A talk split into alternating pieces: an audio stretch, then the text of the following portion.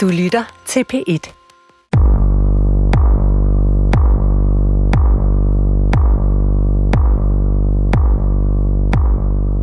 Lige siden jeg var 9 år gammel, og de seksuelle overgreb, jeg var udsat for som barn, begyndte, har jeg haft min helt egen dæmon. I begyndelsen kaldte jeg ham ved navn. Siden blev han til min gerningsmand. I dag siger jeg bare den pædofile, eller også så siger jeg den pædofile psykopat. Det er en mærkelig tilstand at leve i, at jeg altid et sted ude i horisonten har en modstander. Et menneske, som jeg ved dybest set har villet mig til livs, som har været ude på at skade mig, som har forsøgt at smadre hele mit liv, fordi hans egne behov vejede tungere end alle andres livsglæde. Jeg hedder Christian Ditlev Jensen. Jeg er sovnepræst i Kværndrup Pastorat, og så er jeg forfatter.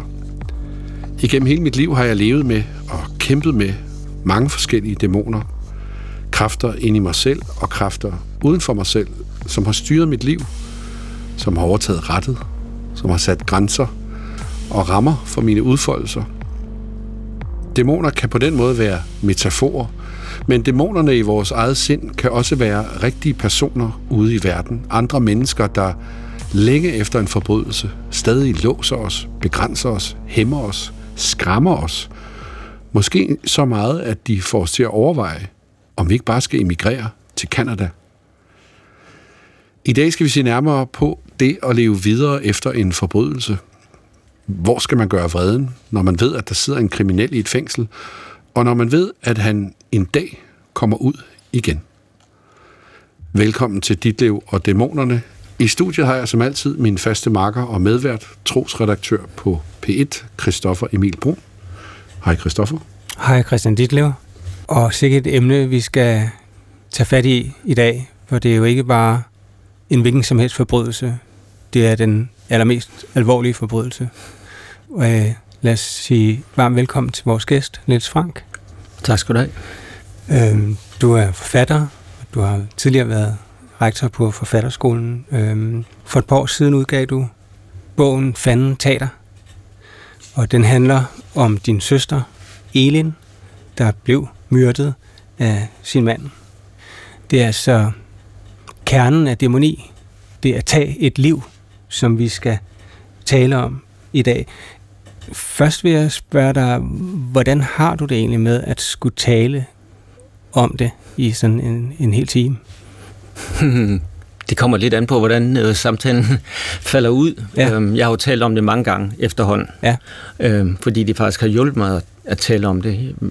Jeg, har oplevet, at jeg har gået rundt med en eller anden sådan kæmpe, ligesom, ja, måske et eller andet, der kunne detonere ind i mig, og så er det egentlig rart at kunne komme ud, og jeg vil ikke sige, at det detonerer, men det kommer ud af mig på den måde. Øhm, så der er også en forløsning i at tale om det. Men der er visse ting, for eksempel selve drabet, som jeg har lovet mig selv ikke at tale om længere, altså i detaljer, hvad skete der den morgen og så videre. Ja. Øhm, fordi øhm, så, så er der for mange ting, der bliver øh, reddet op, og, øh, og jeg skal ligesom sidde og helbrede mig selv de øh, efterfølgende dage og så videre. Det, det, det prøver jeg faktisk at undgå, fordi meget, meget af det, jeg jo egentlig gør nu, og stadigvæk efter næsten tre år, eller tre år efter drabet, er jo, at jeg, at jeg prøver at, at komme videre på en eller anden måde.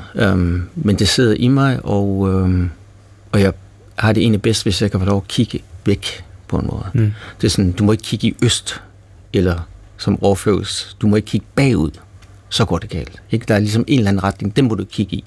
Og nogle gange kommer man jo til det, så må man ligesom slå sig selv lidt øh, over fingrene, eller hvad, hvad man nu gør, og sige, det er altså ikke den vej, det er den anden vej. Øhm, og så er det klart, at det her med at tale om tingene, kan ligesom blive en forhindring, eller man kan blive skubbet over det hjørne, som man helst ikke skal over i. Mm. Men det vil jeg så prøve at undgå her. Så. så hvis man lytter efter selve drabsscenen, så vil man lytte forgæves, men så må man gå på biblioteket eller i sin boghandel og købe fanden taler, fordi ja. der har du øh, beskrevet den. Til gengæld øh, vil vi her i den første del af udsendelsen tale om, hvad der skete, hvad du oplevede, mm-hmm. hvordan det har påvirket dig, og så i øh, sidste del af udsendelsen prøve på baggrund af det at reflektere lidt mere over øh, dæmoniens mm-hmm. væsen, om man vil. Ja. Christian? Jamen, jeg tænker bare, fordi det er jo lidt det, man sådan efterlyser, ikke? at man tænker, kan vi ikke komme ind og få sådan en, en walkthrough, som jeg tror, det hedder i computerspil. Mm-hmm. altså en eller anden, kan man få scenen, kan man få begivenheden.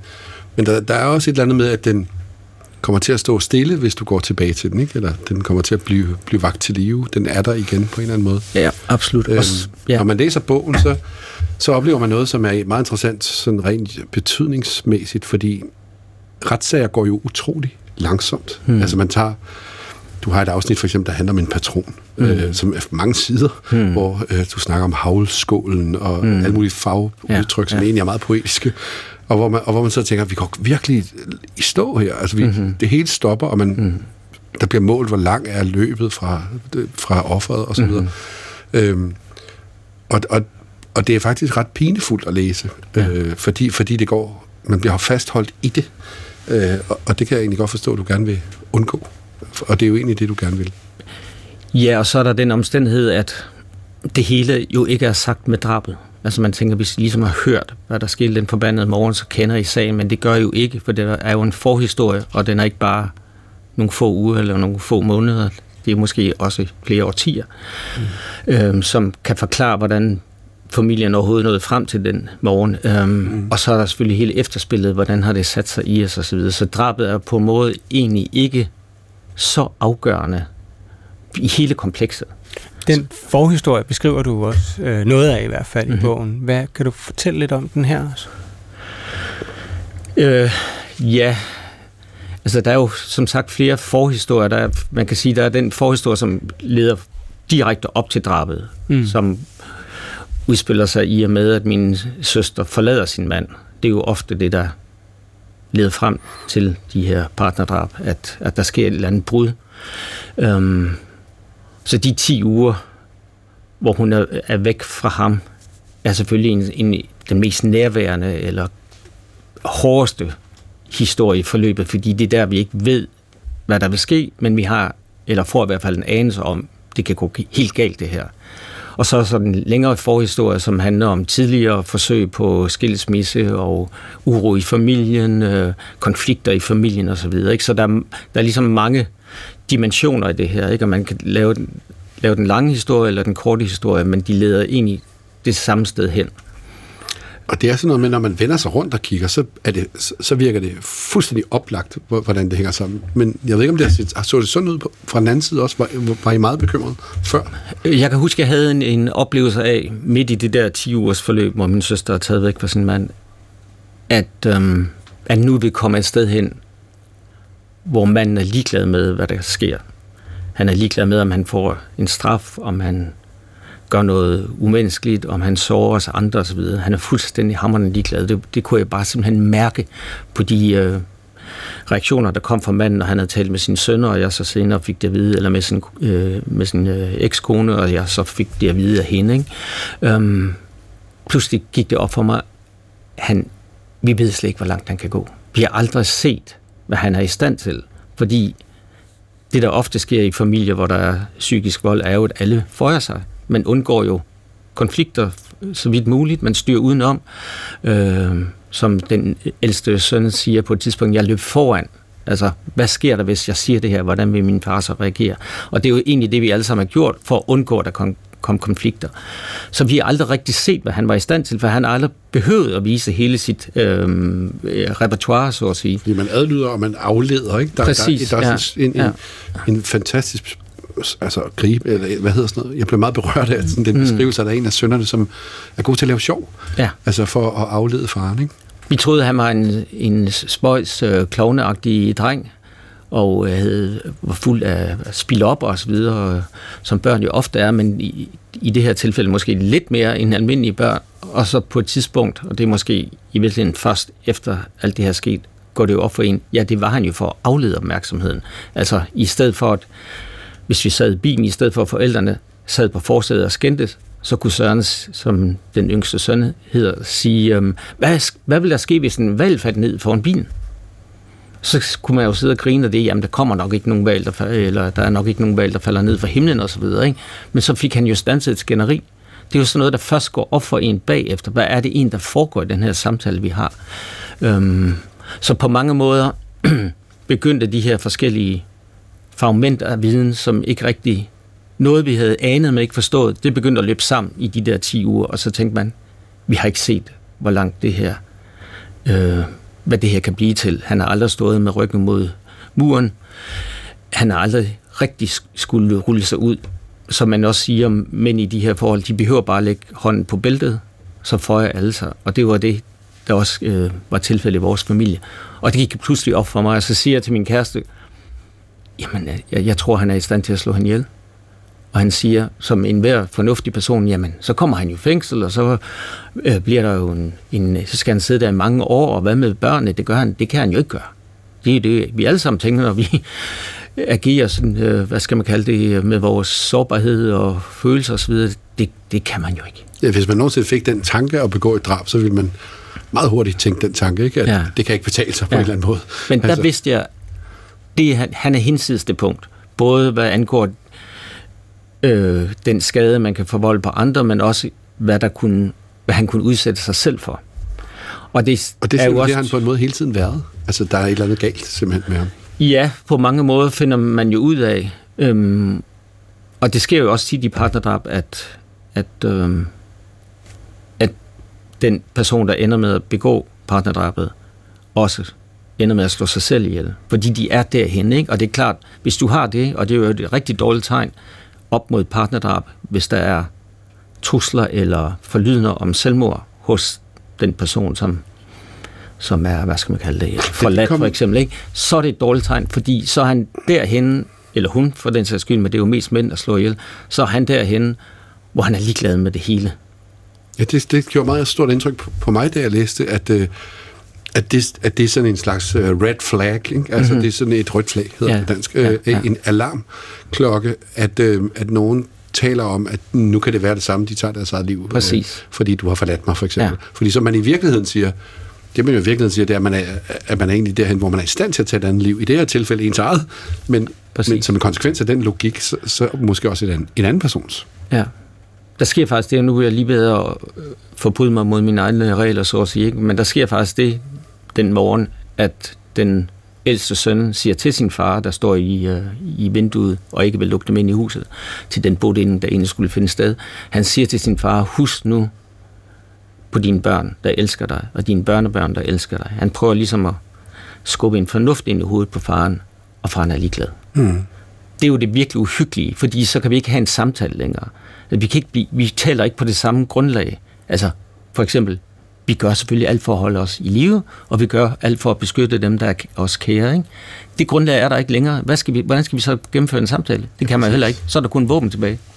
Ja, der er den der regel om, altså, man siger også i kommunikationsteori, at der er sådan nogle regler for samtalen, og en af dem der er mhm. for eksempel, for en samtale, der er, at man må ikke lyve øh, så ja. kan man ikke snakke sammen. Øh, og en anden regel, der, det er jo så det der med, med, med almindelig grundlæggende forstand, som du siger, ja. eller, eller værdier. Ja. At selvfølgelig må man ikke slå nogen ihjel, og selvfølgelig vil vi gerne leve længst muligt, og ja. have det, være sammen med dem, vi elsker osv.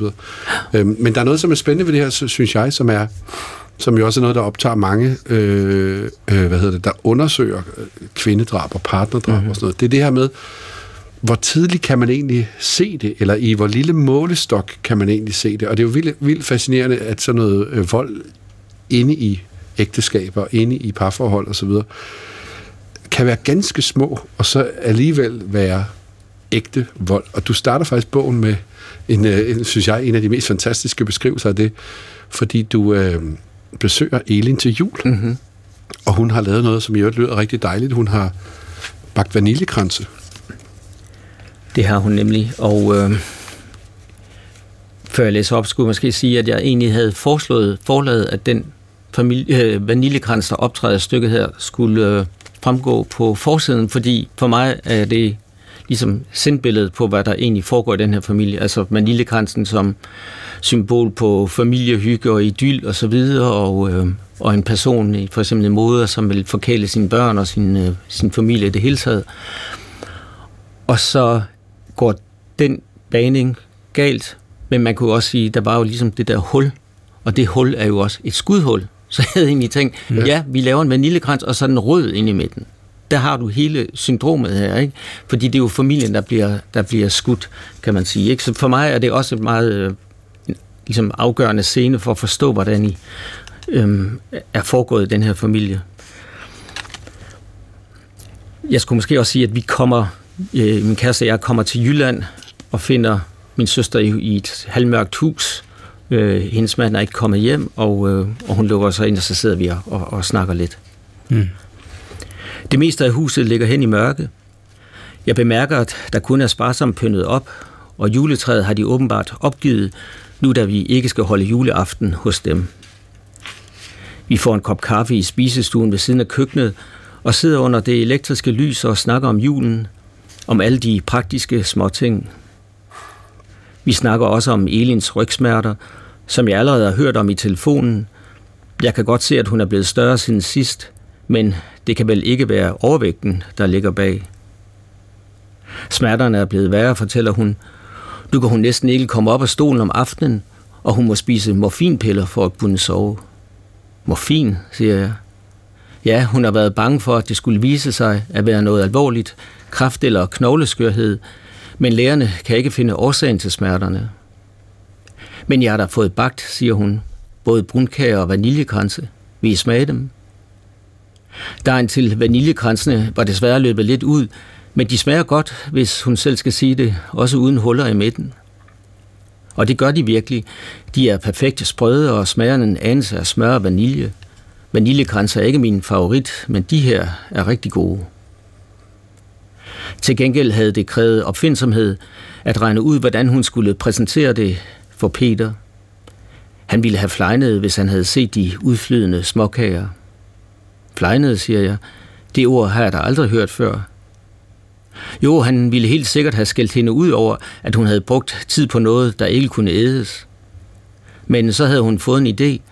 Hun havde bedt ham lukke øjnene, for der var noget, han lige skulle smage på. Er det ikke bare nogle gode vaniljekranse, spurgte hun ham. Jo, det måtte han jo indrømme. Det syntes hun også selv, men dejen var desværre løbet lidt ud, så han måtte leve med, at der ikke var huller i vaniljekransene i år.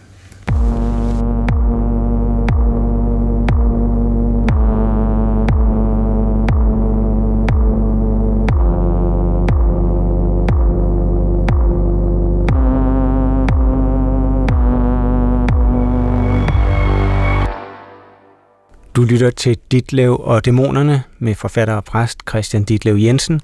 I dag er vores gæst en anden forfatter, nemlig Niels Frank, og det du hørte var en passage fra hans bog Fanden Tater.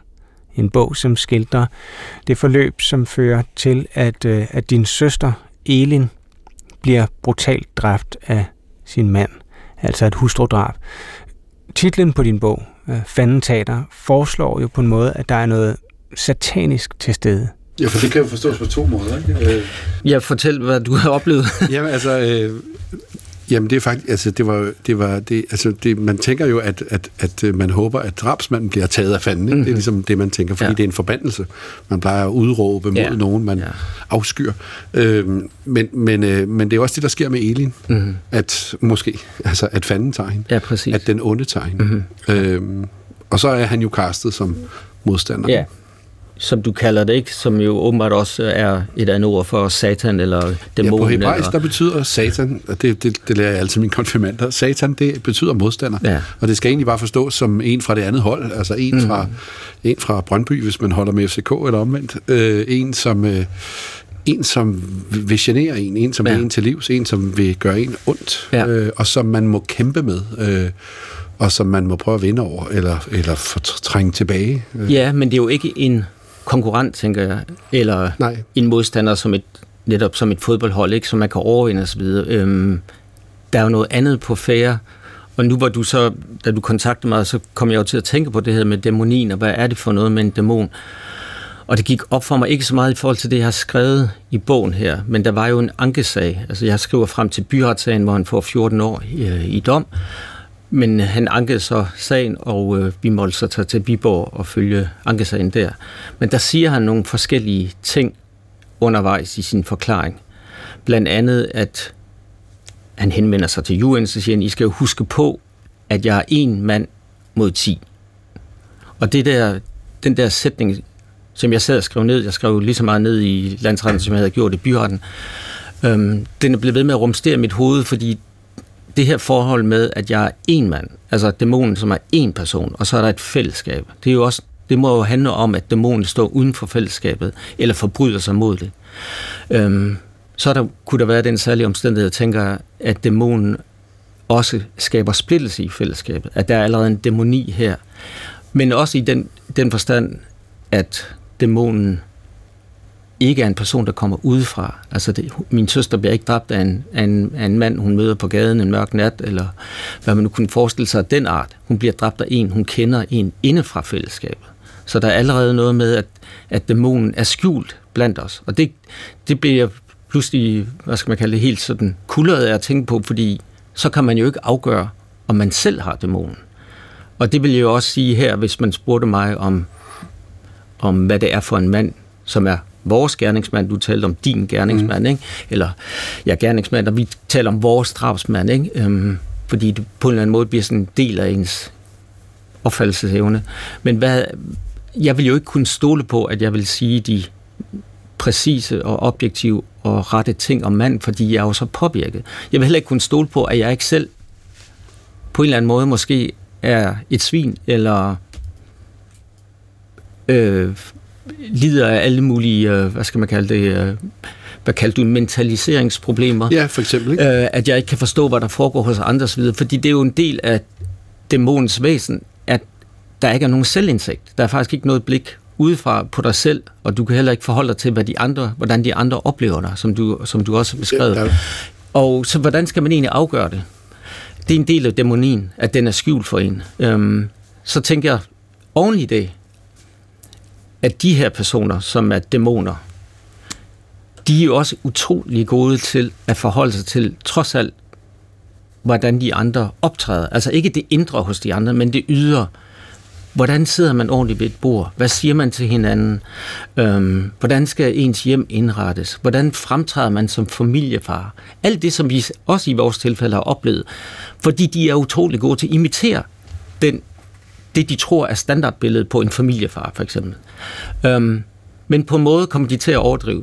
Altså, det bliver lidt for meget det gode. Der står lidt for mange øhm, øhm, apparater i kælderen, øh, boremaskiner og nedstryger og alt muligt andet, det er et lidt for godt billede, så det kommer også over, fordi de ved ikke, hvor grænsen er. De prøver, de efterligner, efterligner, efterligner.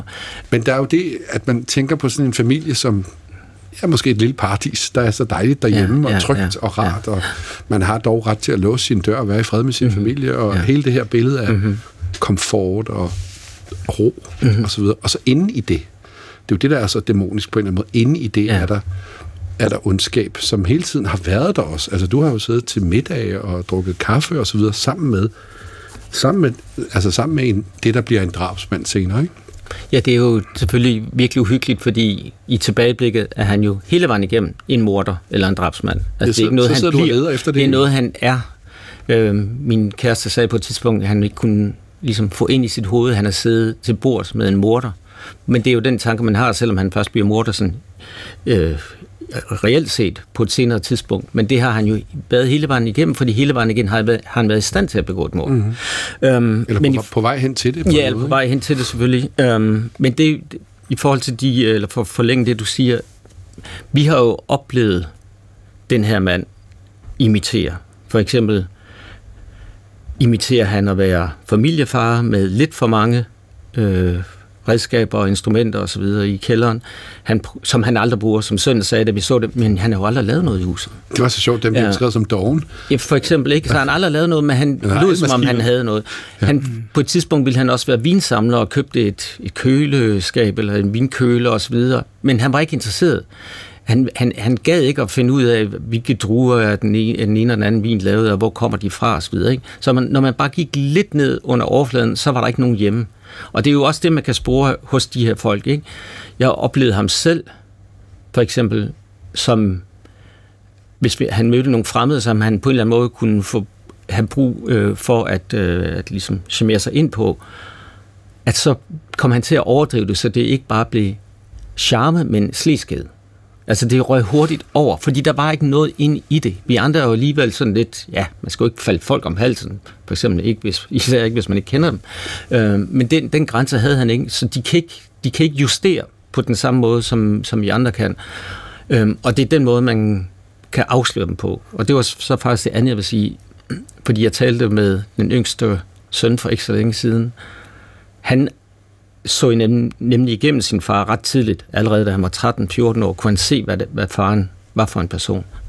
Og han sagde, at han, da faren opdagede, at hans søn havde afsløret ham, mm. så gad han ham ikke. Og det har jeg faktisk selv oplevet med de andre personer i mit liv, jeg er løbet ind i, som har noget af, af det, som øh, vores drabsmand har, at når man først ligesom har tittet bag forhænget hos dem, så, så bryder man ud, fordi så er de afsløret, og det ved de også godt. Og så er der ingen vej tilbage. Man kalder det samtidig for, sådan, altså for demaskeringen eller ja. afsløringen. Ja. Altså så snart narcissisten eller, eller den grandiose psykopat, eller hvad de nu ja, hedder ja. i, i fagsprog, øh, bliver, altså når først de gennemskuet, så bliver de aggressive, ikke? Øh, og så, og så bliver de også, de også ja. afstødende, ikke? At, ja. at, at så vil jeg ikke noget med det at gøre. Og nu bruger jeg ordet psykopat, og det, og det er sjovt, øh, fordi du har sådan et sted i bogen, hvor du også bare bruger det derude af, og så tænker jeg, ved han ikke, det hedder dyssocial personlighedsforstyrrelse, for det hedder det jo i dag. Øh, men du bliver ved med at skrive psykopat, og så på et tidspunkt skriver du noget, som jeg synes var helt fantastisk, nemlig at, at de der i retten, og de der psykiater, de, de foretrækker at bruge det andet ord. Mm-hmm. Altså, og det synes jeg egentlig var sådan en meget god måde at vinde, at vinde retten til formulering tilbage, og ligesom sige, jeg har altså lyst til at kalde ham psykopat, for det er det, jeg synes, han er. Altså, det er ja, så, det har jeg jo insisteret på, og ja. fordi jeg oplevede det her med personligheds, den dysociale personlighedsforstyrrelse som en del af hele det sprogkompleks i, altså omkring alle hændelser i, i tilfældet her, eller familiehistorien her, øh, som havde noget at gøre med eufemismer, altså for familien og omskrivninger. For eksempel selve drabet, altså, ja. som er ja, underdrivelser. Drabet, mm. som bliver beskrevet som husbetakler. eller drab, der bliver beskrevet som jalousidrab eller affektdrab.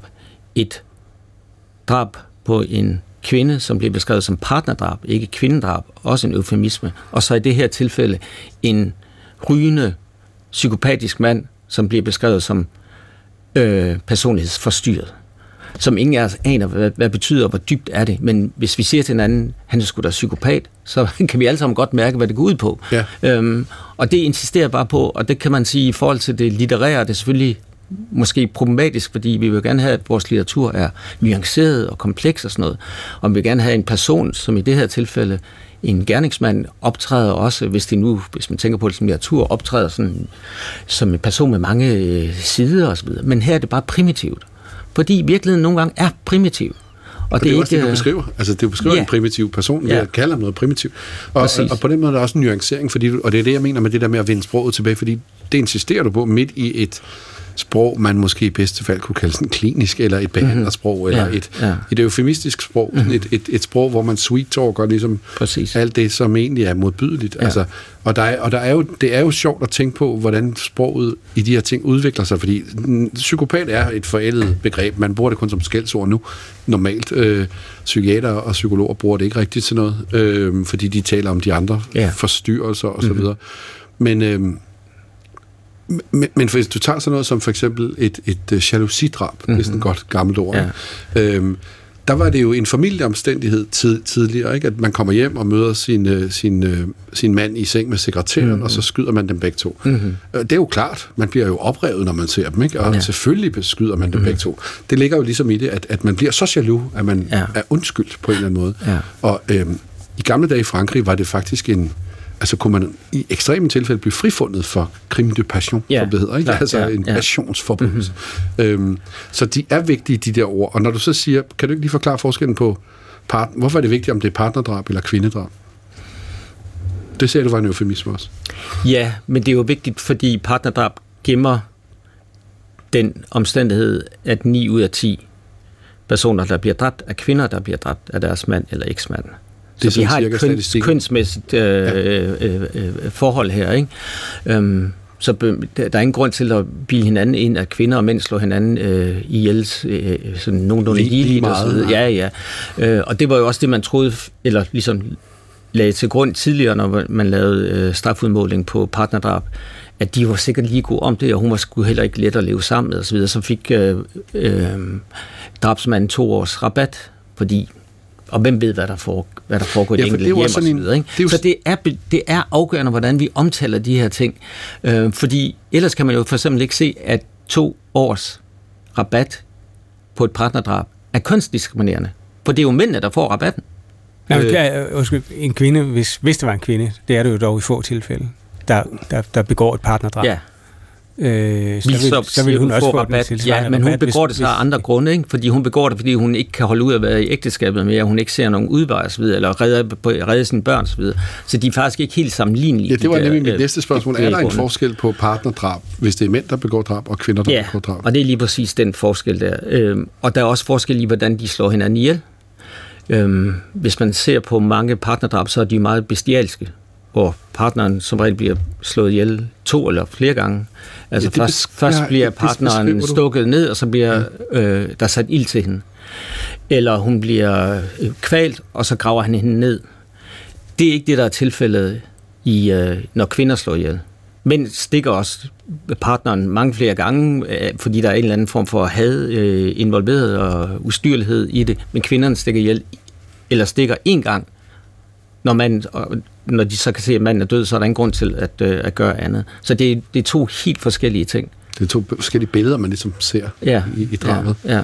Det er tydeligt, at øh, du har øh, opholdt dig meget, og selvfølgelig reflekterer utrolig meget over det, som man kan kalde demoniens væsen, Ja. eller den her Mhm. mm-hmm. konkrete mands øh, karaktertræk. ja. Øh, Niels Frank, som er gæst her i Ditlev og Dæmonerne, som vi lytter til, med Christian Ditlev Jensen, øh, og hvor vi i det her øh, afsnit af vores programserie undersøger, øh, hvordan man kan leve med en så voldsom og dramatisk og ubehagelig oplevelse i bagagen, nemlig øh, et drab på en, en, man holder af, i det her tilfælde din søster.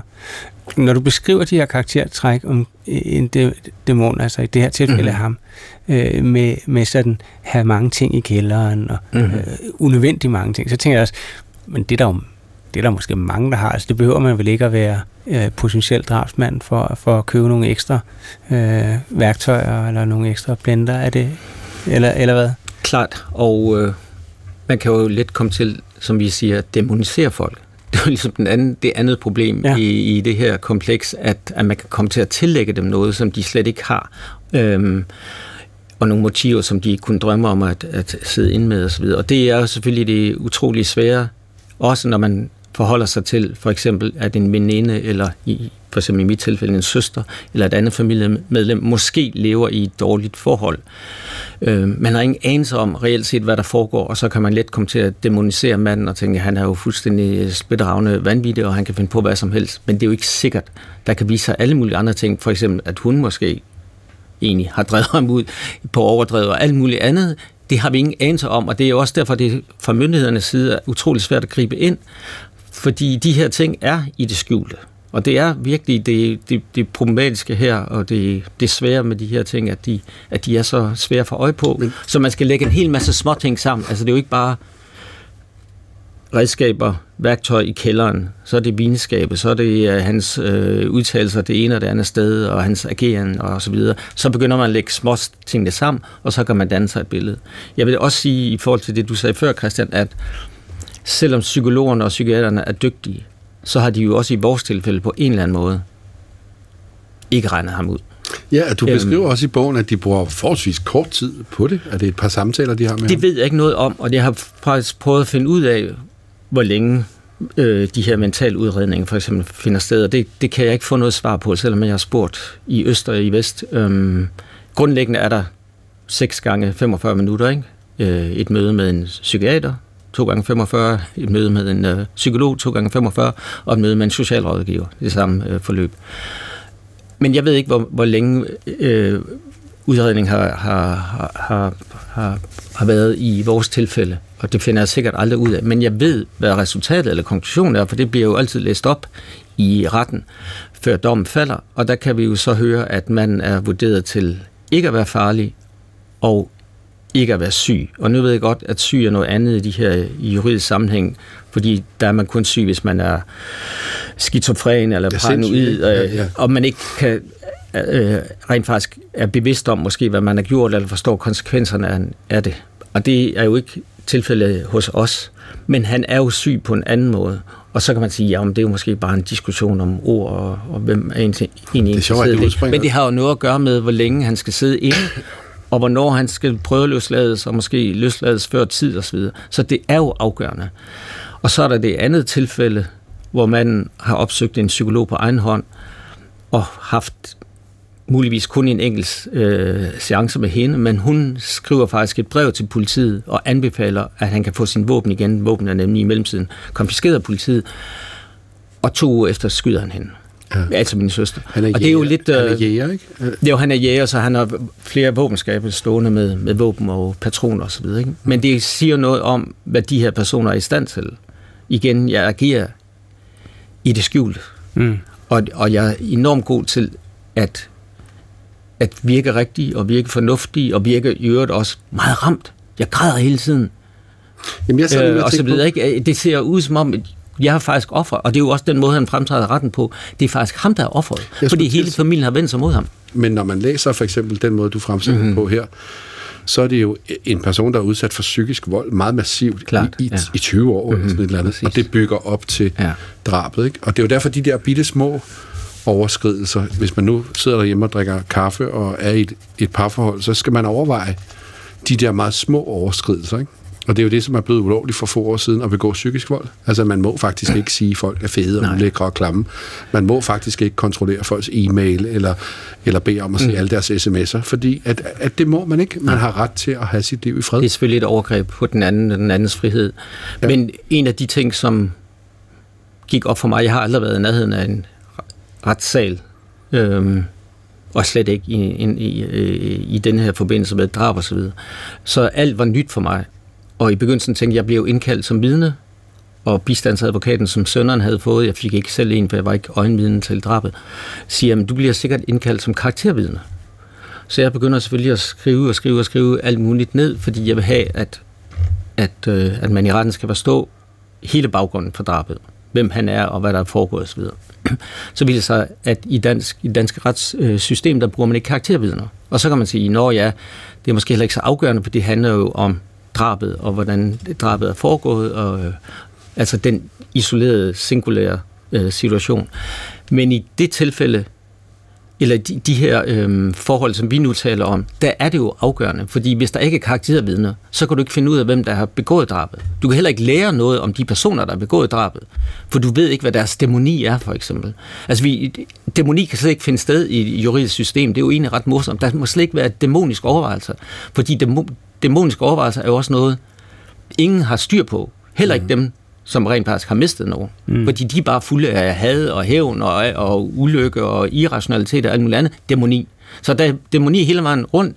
Det vil det juridiske system overhovedet ikke kendes ved. Nej, nej, der er ikke Men så kan vi mennesker. heller ikke forstå, hvad det er, der foregår. Øh, og vi kan ikke dæmme op mod det næste gang, en familie er tæt på et drab. Fordi vi aner ikke, hvordan de reaktionsmønstre er. Og det, det er der, ligesom min indsats er. Vi bliver nødt til at forstå det her. For der er jo rent faktisk, som du også nævner tidligere, nogle mønstre. Øhm, Jeg kan huske, at jeg engang talte med en, en forsvarsadvokat, og så sagde jeg, øh, hvem er de der drabsmænd der? Og så siger han, jamen det kan være os alle sammen. Det, det er bare et spørgsmål om, at omstændighederne er de rigtige, så kan vi alle sammen begå et drab. Og der kan jeg bare huske, at jeg følte mig meget stødt og tænkte, det, det kan da ikke forestille mig, at jeg ville vælge det ultimativt sådan, som sådan.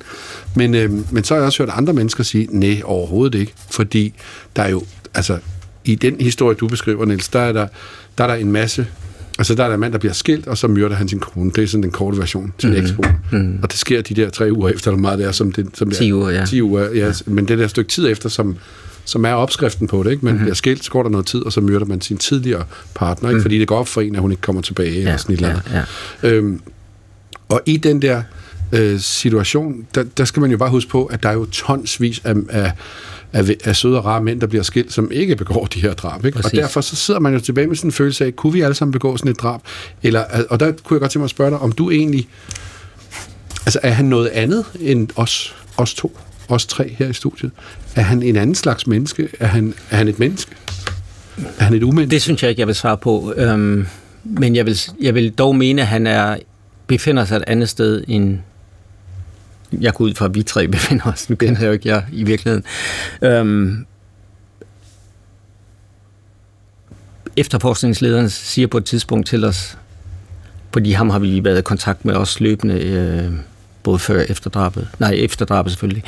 Men han siger på et tidspunkt øhm, om mandens øh, måde at arrangere drabet på, at han kunne have fanget sig selv mange gange i det. Altså, mm. han køber et gevær. Han køber de kraftigste patroner på markedet. Han prøveskyder geværet. Der var jo mulighed for at sige til sig selv, hvad fanden er det, jeg er gang i? Men det gør han så ikke. Og det er jo lige præcis det, vi andre vil gøre. Og jeg ved det fra mig selv, fordi jeg har selvfølgelig overvejet, hvad jeg kunne finde på at gøre med manden. Eller ved manden. Er det sådan en tanke, man får? Ja, det har det i hvert fald været i vores tilfælde, og det ved jeg også, at sønderne har haft. Øhm, hvad tænker man så? Ja, så tænker man, hvordan man vil slå ham ihjel, og jeg har også haft, skriver også i bogen, mange mareridt om, hvordan jeg maltrakterer ham. Jeg slår ham ikke bare ihjel, altså jeg smadrer ham. Ja. Fordi øh, han skal bare udryddes, ikke? Øhm, men når jeg sådan i vågen og øh, hvad skal man kalde det, fornuftig tilstand, diskuterer det her med mig selv, så kan jeg jo godt mærke, at det kan jeg ikke gennemføre. Altså jeg vil aldrig kunne, for det første vil jeg ikke kunne gennemføre det. Eller hvis jeg kunne, så vil jeg ikke kunne leve med det. Fordi jeg vil ikke kunne leve med scenen, hvad der er foregået, altså helt praktisk. Og det er også derfor, jeg skriver min bog så detaljeret som muligt. Fordi det handler jo ikke bare om, jeg slår nogen ihjel, som I siger. Hvad gør du egentlig? Stikker du ham? Øhm, skal du ånden ud på ham?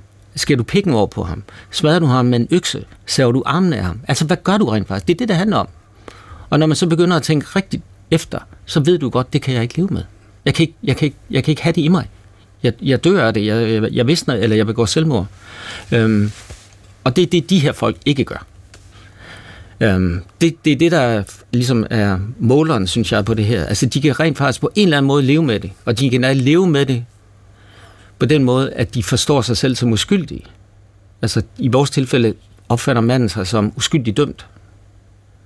Det gør han de, nu? For, ja, det gør han faktisk nu. Det, det har vi en ret, øh, øh, i hvert fald har vi en vis anelse om, at det er det, han har talt om i fængsel.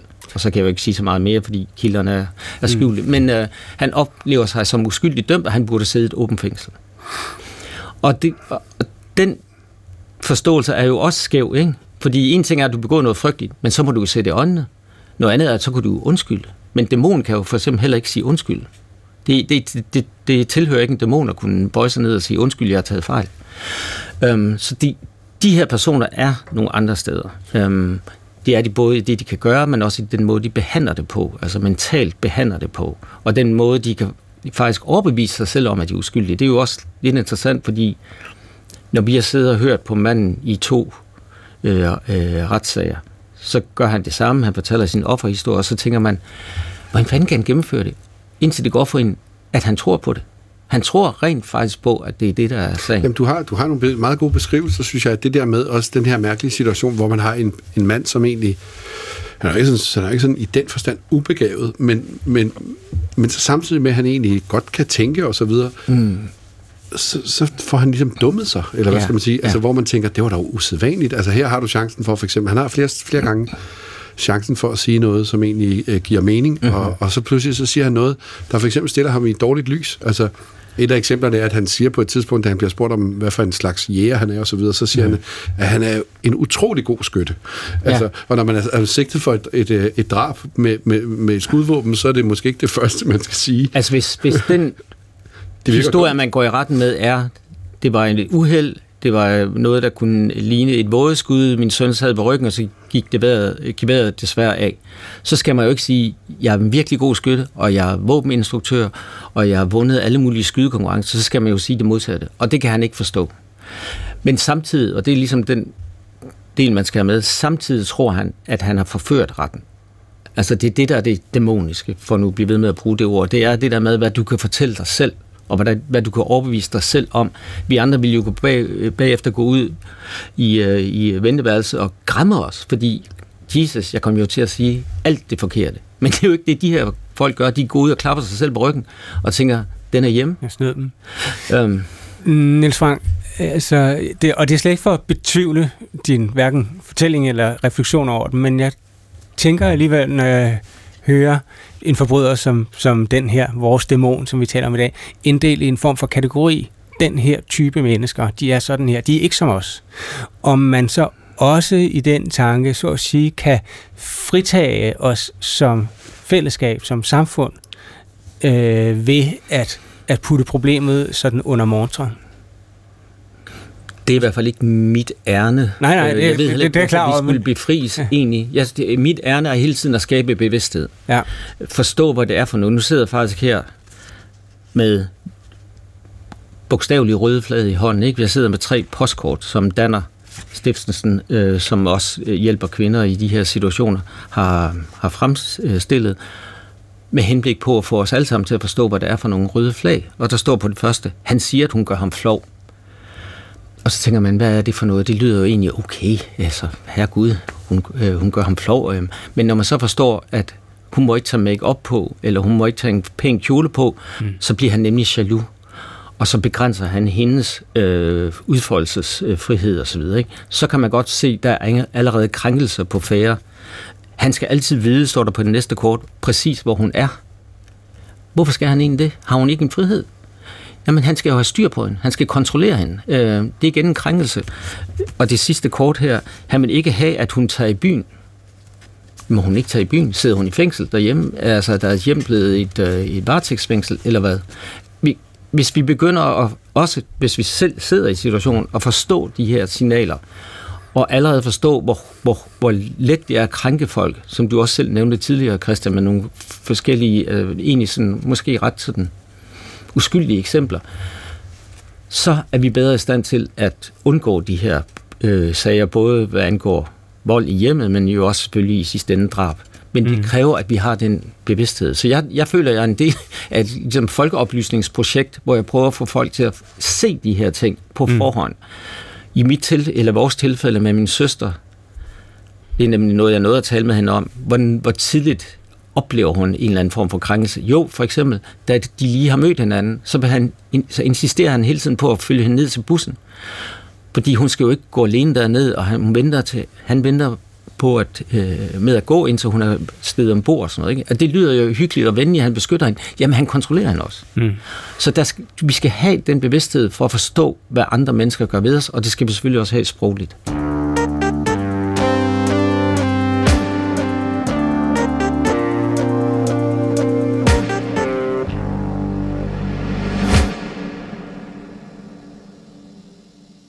Du lytter til Ditlev og Dæmonerne.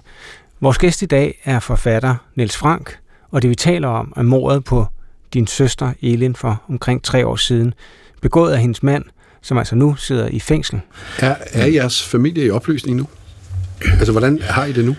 Nej, vi, øh, det, det oplever jeg ikke. Jeg oplever, at vi faktisk rykker meget tæt på hinanden. Men hver især er vi jo i en eller anden forstand i opløsning. Øhm, ja, jeg har for eksempel haft en fuldstændig elendig morgen, hvor jeg tænkte ved håndvasken, jeg ved fandme ikke, om jeg kan komme igennem det her. Øhm, og så vidste jeg også gå herud og tænke, hmm, kan jeg det, og så videre.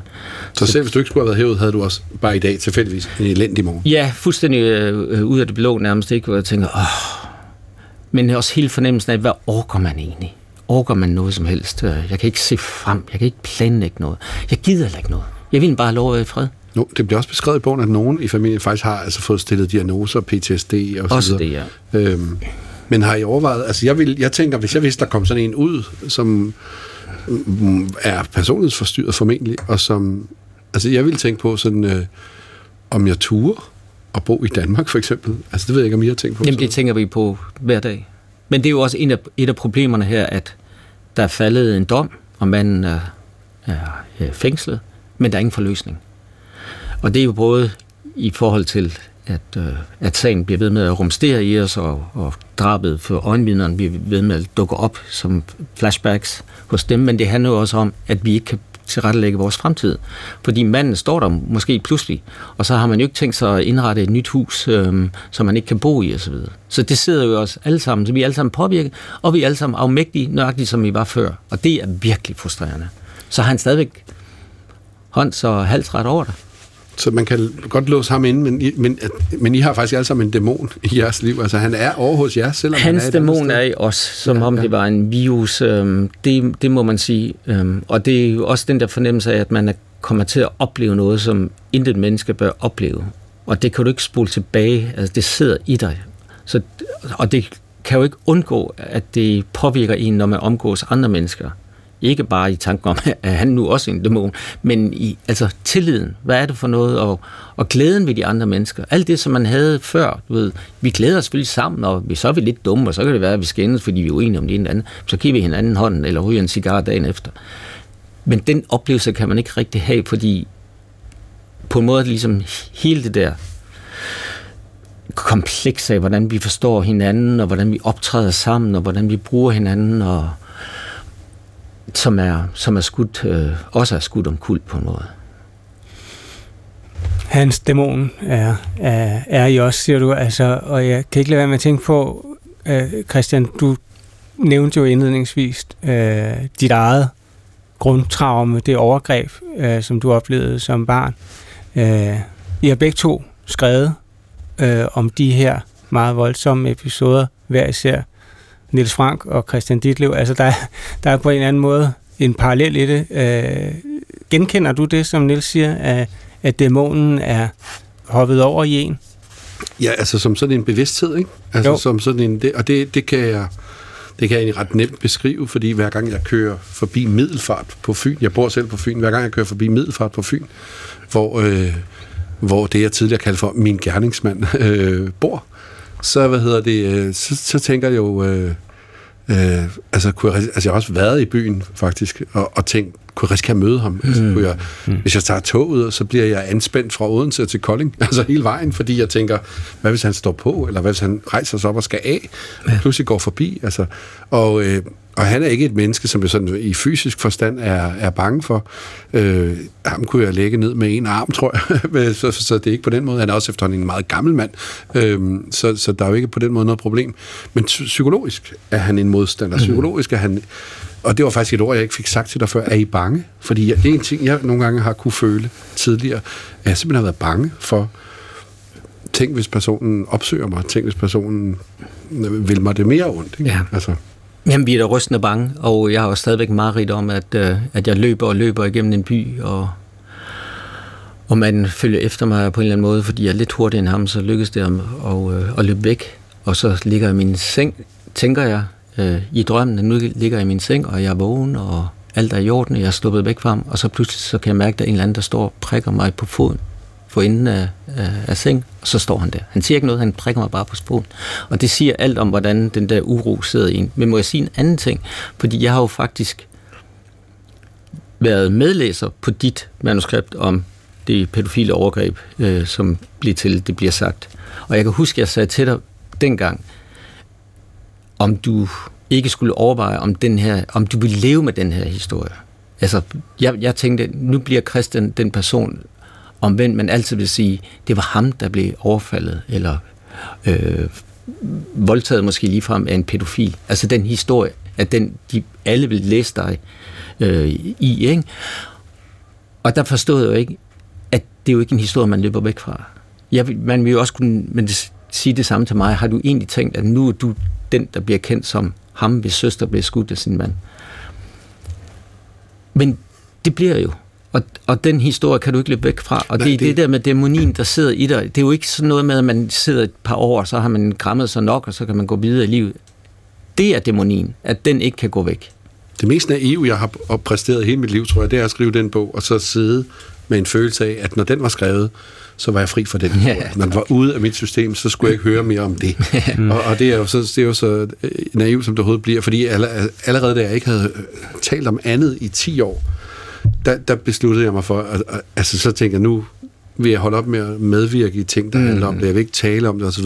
Men det kan simpelthen ikke lade sig gøre. Altså, det er det, jeg bliver forbundet med. Det er, det er den der ene ting, der bliver sagt, når jeg dør. Ja, men øh, så vil jeg som en, der ikke har oplevet noget så dramatisk, heldigvis, men en læser og en borger, øh, sige tak til jer begge to for at give de her hændelser sprog og netop give dem et andet sprog, end det, som vi kender fra aviser eller fra retssale, men give dem øh, litterær krop, og dermed også give os andre muligheder for at forstå, hvad der kan være på færre.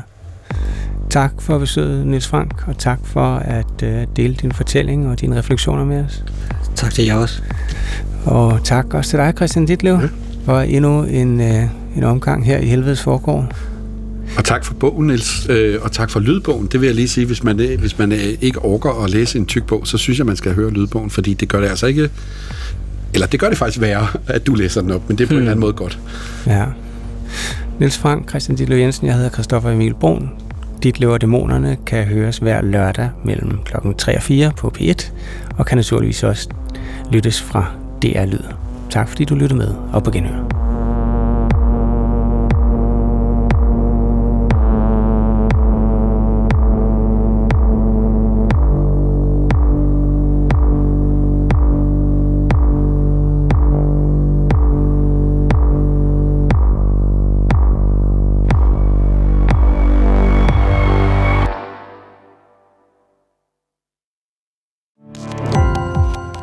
Gå på opdagelse i alle DR's podcast og radioprogrammer. I appen DR Lyd.